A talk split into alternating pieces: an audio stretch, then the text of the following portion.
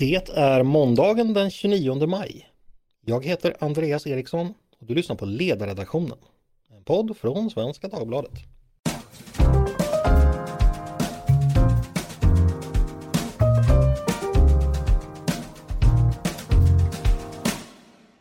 Varmt välkomna till oss och till en ny vecka med podden Ledarredaktionen. Den tänkte jag att vi skulle börja med att vända blicken västerut och prata om USA. Amerikansk politik är ju alltid intressant för oss svenskar. Och jag vet att många av er som lyssnar också gärna håller sig uppdaterade.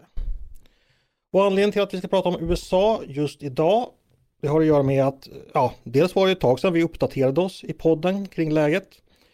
Och dels har vi ju den senaste tiden haft en eh, ganska omfattande diskussion och nyhetsrapportering om att politikerna i USA behöver höja det så kallade skuldtaket. Ni har säkert hört talas om detta. Eh, det är en diskussion som är återkommande i USA. För ända sedan 1917 under första världskriget eh, har USA ett lagstadgat tak för hur hög statsskulden får vara. Och överskrids det, då får staten helt enkelt inte låna mer och det får ju givetvis dramatiska konsekvenser, ja, inte bara för den amerikanska staten utan för hela ekonomin och samhället. Men därför är det också så vist ordnat att eh, skuldtaket det kan förändras, det kan höjas av kongressen, vilket också regelbundet sker. Såg att någon hade räknat ut att det hittills har skett ungefär 80 gånger. Men eftersom det, läget just nu är att vi har en republikansk majoritet i representanthuset och en demokratisk majoritet i senaten och till det en demokratisk president så krävs förstås att båda partierna är överens. Och det har skapat en situation där eh, partierna har fått förhandla och det har blivit en sorts chicken race där man förhandlar ända in i kaklet eh, precis innan skuldtaket kommer nås. Eh, men i helgen nåddes i alla fall en principöverenskommelse som det heter och taket verkar alltså vara på väg att höjas ytterligare en gång från de drygt 31 biljoner dollarna det ligger på idag. Och tanken är att det ska höjas då fram till 2025. Men det har inte röstats igenom än i kongressen ska sägas. Men vad innebär då den här överenskommelsen? Hur har de båda partierna resonerat? Vad betyder det här för amerikansk politik? Och vad finns det i övrigt att säga om de frågor som dominerar den politiska debatten i USA? Det tänkte jag vi skulle prata om idag. Och med mig för att göra det har jag två för alla poddlyssnare välbekanta röster, nämligen Jan-Erik Larsson, medarbetare på sidan och du deltar direkt från New York. God morgon Jan-Erik! God morgon, god morgon! Och så Olle Ehrenkrona, sidans utrikespolitiska näster. Välkommen du också Olle! Tackar! Eh, ja, Jan-Erik, nu finns det alltså en överenskommelse sen i, i lördags kväll. Det återstår att se om den kommer gå igenom kongressen. Var det väntat att man skulle komma överens? Ja, det var absolut väntat att man skulle komma överens, men det är fortfarande många missnöjda röster på båda sidor om, om blockgränsen. Mm. Eh, och den här överenskommelsen, vad, vad går den ut på? Vad är det för politiskt sakinnehåll? Går det att säga någonting om det? Det är, det är ganska komplicerat att förklara sakinnehållet. Eh, det är en, så att säga, en, en balans mellan, mellan, så att säga, mellan vänster och höger i, i en rad, in, in, i, ett antal, i ett antal frågor och eh, det kommer inte att vara det kommer att, att fortsätta att grumsas en hel del om de närmsta dagarna om, om olika aspekter, till exempel på frågan hur, hur eh, eh, bidragstagare, vad det ska ställas för krav på bidragstagare och så vidare, vilket då eh, högern, republikanska högern ställer mycket högre krav på och eh, som vänstern inom Demokraterna är mycket missnöjda med. Men jag tror inte vi ska fördjupa oss allt för mycket i, i de här detaljerna för de kan de, de, eh, de tror jag knappt att det amerikanska folket ens bryr sig sådär jättemycket om. Okej, det, är inga, det är inga jättestora frågor alltså. Eh, Olle, du sa när vi pratade innan att eh, det är bara finansvalpar som blir upphetsade över den här situationen för, för skuldtaket har höjts så många gånger tidigare. Det är bara det att finansvalparna kommer inte ihåg det för de eh, är så unga som de gick på Handels förra gången det hände. Eh, det här är ganska odramatiskt, tänker du? Ja, jag ska inte säga, jag ska inte säga något vanvördigt om analytikerna på börserna. De, de gör ett viktigt arbete, absolut. Men Nej, nej, det var bara jag som citerade dig. Jag kan ju ha hittat ja, på. Ja, jo, jo. Men, men eh, vad jag avser är ju det här att det är ju en slags ritual i amerikansk politik att ha de här överläggningarna om, om skuldtaket. Och, och, och du säger om att det har varit 80 gånger tidigare. Och det, är, det har ju blivit en plattform för att tvinga partierna att komma överens om, om eh, vissa fundamenta i den ekonomiska politiken.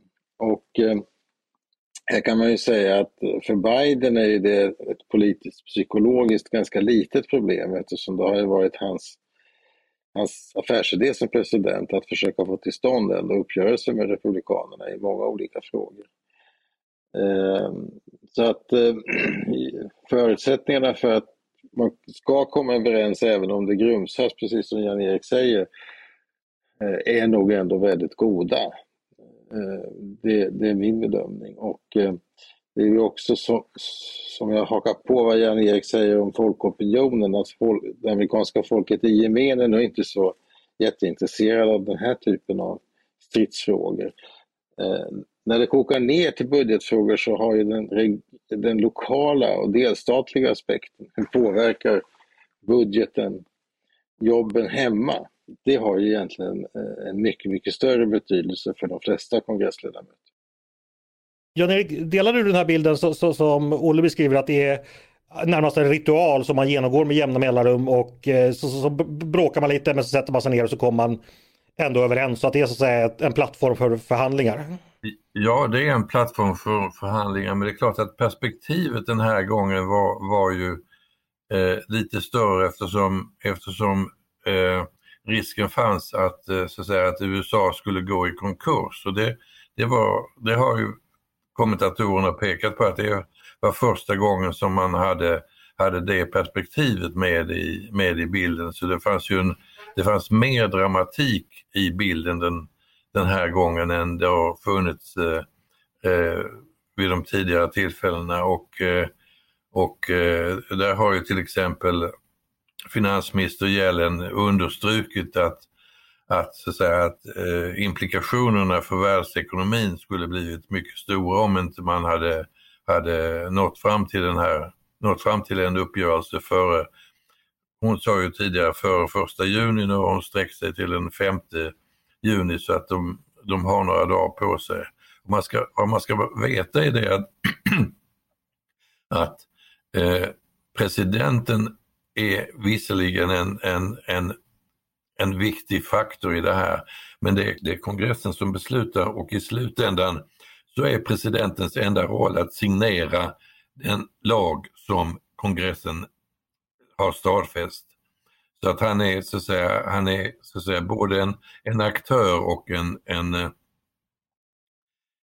en, en, en person som, som måste vänta tills kongressen och senaten är, alltså eh, representanthuset och senaten är färdiga med, med det här arbetet. Mm.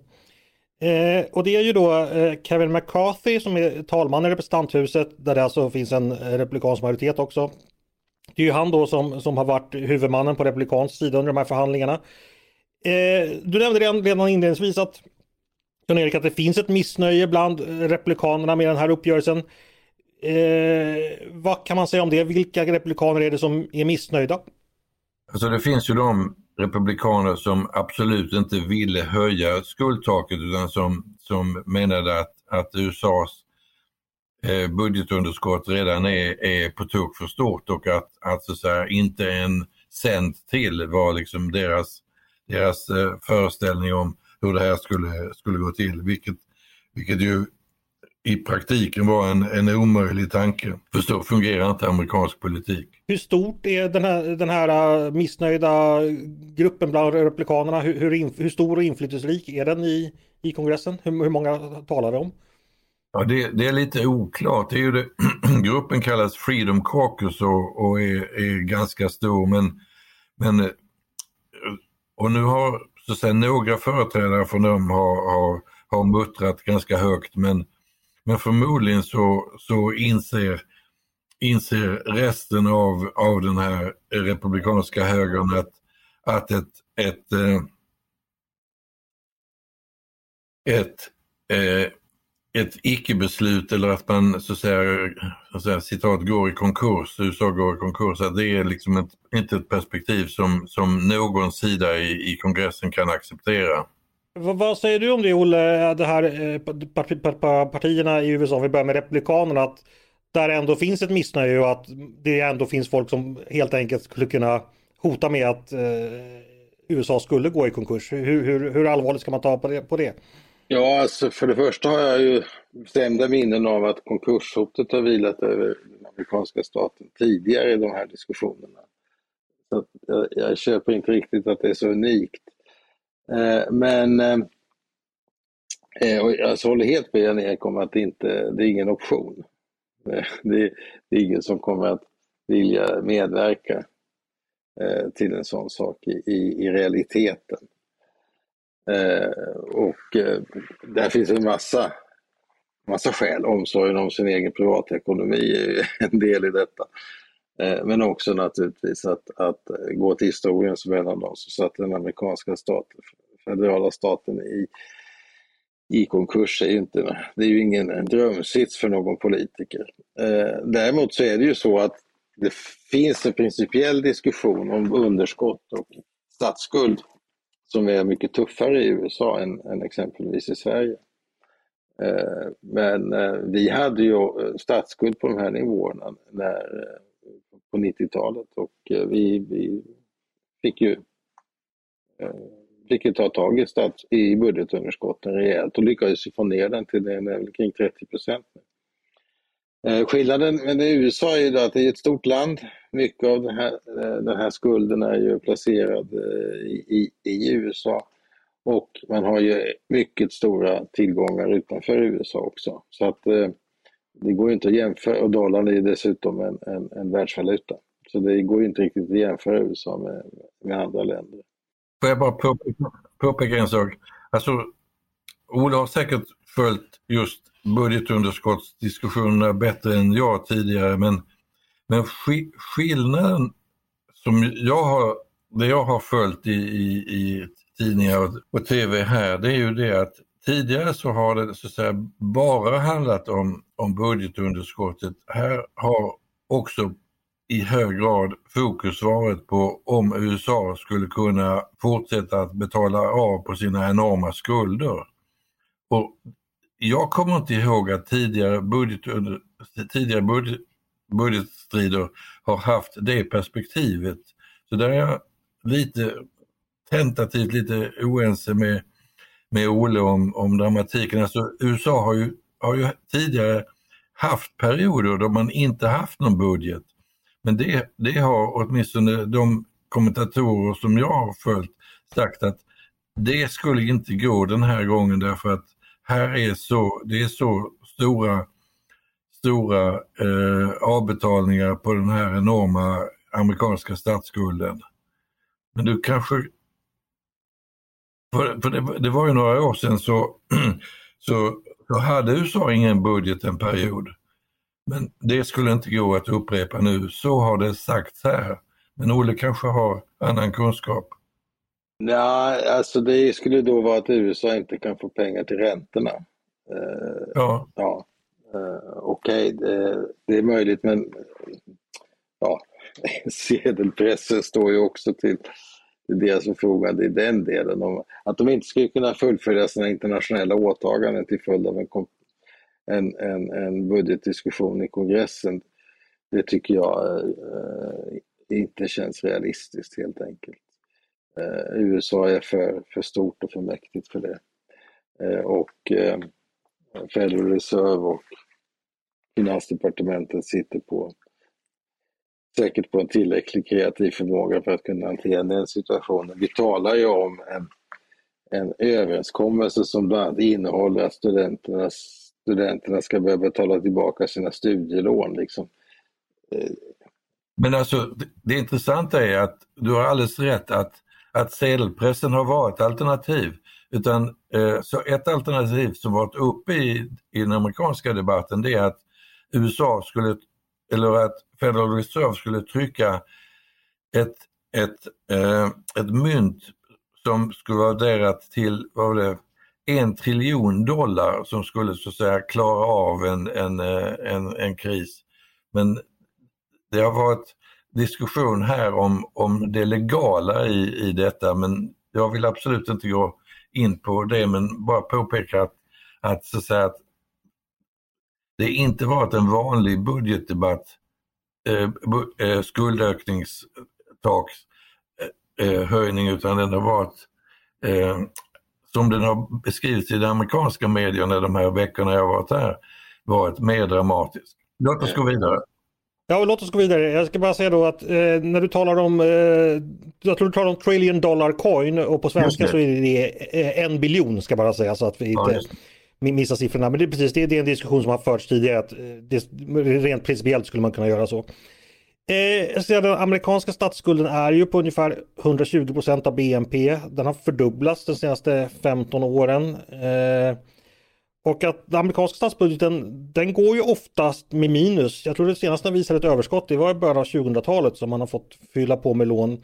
Jan-Erik, vad beror det på? Vad, vad, vad, är, vad är det för ökade utgifter eller minskade intäkter som den amerikanska staten har som gör att man hela tiden går med minus? Ja, det är ju både försvarskostnaderna är ju högst betydande men det är också en annan faktor är ju att, att ett antal kongresser och presidenter varit mycket generösa. Jag menar, USA öste ut, eh, Biden öste ut enorma summor eh, så kallad covid-ersättningar i början av sin presidentperiod som, som ökade på eh, det här budgetunderskottet ganska dramatiskt. Men, men även hans företrädare Donald Trump var absolut inte någon snåljåp utan var också mycket, mycket generös eh, i förhållande till, till eh, skattebetalarna som fick pengar tillbaka på olika sätt. Så att eh, eh man, har, man har varit ganska oansvarig tror jag nog ganska många eh, här tycker. Mm. Eh, vad säger du om det Olle? I Sverige är vi vana sedan 90-talet med budgetdisciplin och vi har ju betalat av på vår statsskuld så den är ju långt, långt, långt eh, under den amerikanska. Men eh, i USA så går staten ständigt med minus. Vad betyder det? Jo men alltså det, det här är ju en, en, en, Det handlar ju inte bara om ekonomi, det handlar ju också om makt, makten mellan kongressen och delstaterna och sådana saker. Eh, så att det är, en, det är en, en, politisk fråga med många dimensioner i amerikansk politik och som går långt tillbaka i historien också. Eh, men den här situationen då budgetunderskottsmässigt påminner ju lite om, om de inledande Reagan-åren. Eh, då Reagan fick utstå mycket kritik för att han inte var tillräckligt tuff när han sparade på de offentliga utgifterna och underskotten skenade iväg. Det där kom ju att rättas till sen senare. Men eh, det är precis som, som Jan-Erik säger att det har varit en, en expansiv finanspolitik under lång tid i, i, i USA. Och det har, ju, det har ju bland annat sammanhängt med, med pandemin och den åtstramningseffekten som, som det har haft. Eh, och det här är ju en, den viktigaste orsaken till inflation, att inflationen har vuxit i USA eller kommit tillbaka i USA, i amerikanska ekonomi. Det är ju de expansiva åtgärder som vidtogs först under finanskrisen och sen under pandemin. Eh, och eh, det är den, den inflation som man nu runt om i världen och även i Sverige kämpar mot just nu. Eh, och det är klart att Republikanerna har ju en mycket mer konservativ syn då på finanspolitiken än vad, än vad Demokraterna har och framförallt Vänsterdemokraterna. Och på det viset så är det en blandning av kulturkamp och traditionell höger-vänster-diskussion om, om, om, de ekonomiska frågorna. Eh, men Marianne Erik pekar på någonting som är väldigt viktigt när man diskuterar så här, storleksordningen av problemet och det är att båda partierna är överens om att undanta försvarsutgifterna. Eh, det vill säga den, den, verkligt tyng, den tyngsta posten i den federala budgeten är ju, är ju försvaret. Eh, så att eh, det visar ju på något sätt ändå, så skulle det ju inte vara om det verkligen var så att man kände oro för att staten skulle ställa in betalningen. Som vi sa inledningsvis så har det ju gnölats lite framförallt i, i Republikanerna efter den här principöverenskommelsen. Eh, men vad tror du Jan-Erik, kan vi räkna med att det går igenom kongressen här de närmaste dagarna? Ja, det tror jag. Det tror jag. Eh, är, det no är det några, det är en principöverenskommelse, är det förhandlingar som återstår att man måste fortsätta prata om, om detaljer så att säga?